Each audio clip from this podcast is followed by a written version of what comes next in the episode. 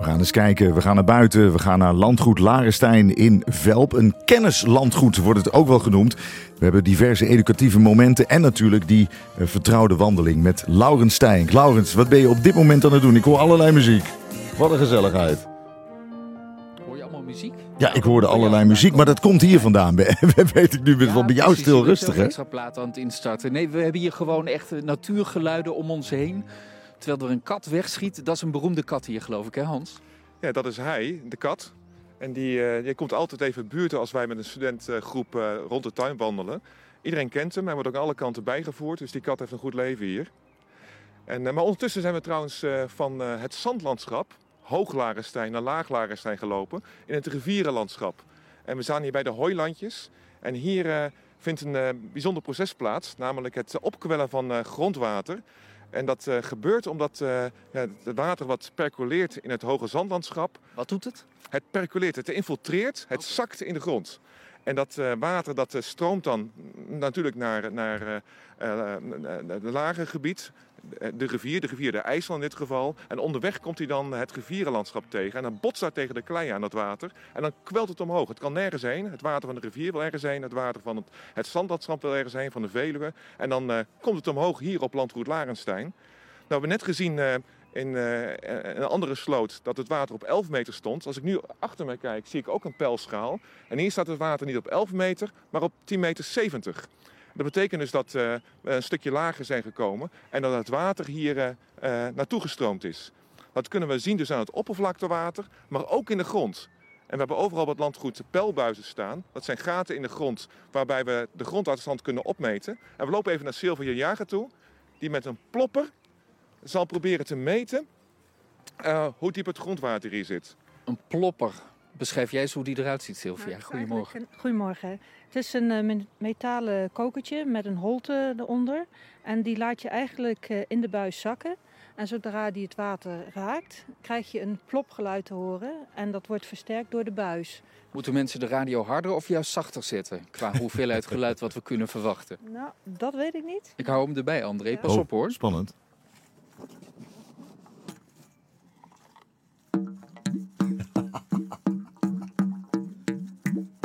Dit gaat een hit worden. Klinkt als een muziekinstrument. Ja, ik hoor het ook, eh, Laurens. Ik hoop dat mensen het thuis ook horen. Nou, Sylvia kan nu het eh, geval eruit halen. En die ziet dat het op 1 meter 32, 1 meter 33 diep zit hier. En eh, de pijlbuis zelf steekt ongeveer een halve meter uit, eh, uit de grond.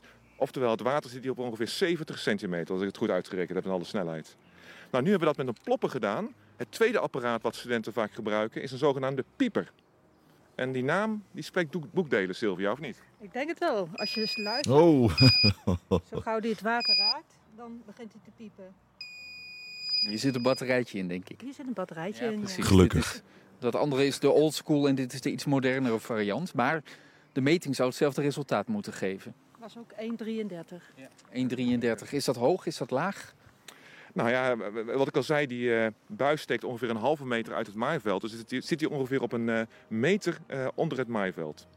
En we gaan nu nog naar een tweede pijlbuis, die we veel dieper gezet hebben. En daarmee kun je zien of het water omhoog of omlaag stroomt. Als namelijk dieper het water een, eh, eh, een, een hogere waterstand heeft, betekent dus dat het water van hoog naar laag stroomt. Oftewel in dit geval omhoog.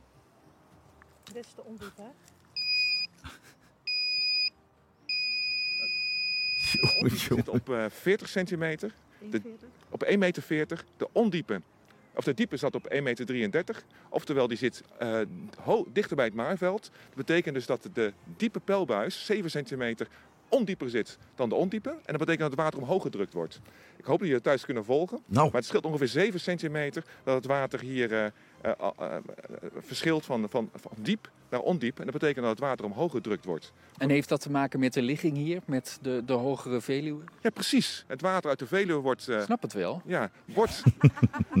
het water uit de Veluwe... dat, Zelf verrast. wordt omhoog gedrukt. Hier door, eh, door het water wat aan de andere kant vanuit de rivier eh, het water omhoog drukt. Is toch wel interessant. Al deze wijsheid, dat we dat zo meekrijgen. Dan ben je mee op zo- zo'n wandelexcursie en dan krijg je dit allemaal voor je kiezen. Wat vind je daar dan van? Ja, wat moet ik zeggen? Heel interessant. Heel interessant. En wat, wat is het meest interessante wat je tot nu toe hebt gehoord? Ja, dan ga ik heel flauw zijn. Maar de, de Loerdeschot vond ik wel een hoogtepuntje van het landgoed. Ja, maar dat, begreep ik van. Er staat hier inderdaad in een bouwsel van, van reststenen. Daar is een, een van gemaakt, want ooit was hier een klooster. Er is hier zelfs ook, heb ik me laten vertellen, een soort van begraafplaats. Daarbij dacht ik vanochtend, eh, dat heeft met het klooster te maken, maar heeft het ook wat te maken met studenten die dan wat te lage cijfers halen, dat je denkt begraafplaatsje. Nee, nee, daar heeft het Gaan we daar eens even mee dreigen? Dat is niet daar het heeft geval. niets mee te maken. Nee, nee die, eh, eh, de, begraafplaats, daarvan van wordt zelfs gezegd van ja, liggen daar nou echt wel nonnen? Eh daar zijn ook nog andere vreselijke verhalen over. Maar eh, het is eigenlijk een, een, een onderdeel tegenwoordig van het park. Om, maar wel om ja, met eerbied eigenlijk voor de cultuurhistorie laten we dat wel, wel staan. En het, het, als ik een anekdote mag vertellen. dan- Moet hij heel kort zijn, want we zijn ver over tijd. Oh, Oké, nou. er is iemand een keer heel blij vandaan gekomen, een vrouw, want die was ervan overtuigd: alle nonnen, ze zijn gelukkig dood. Dus. Goed, daar gaan we het mee doen. Tot zover vanaf Landgoed Larenstein. Het hele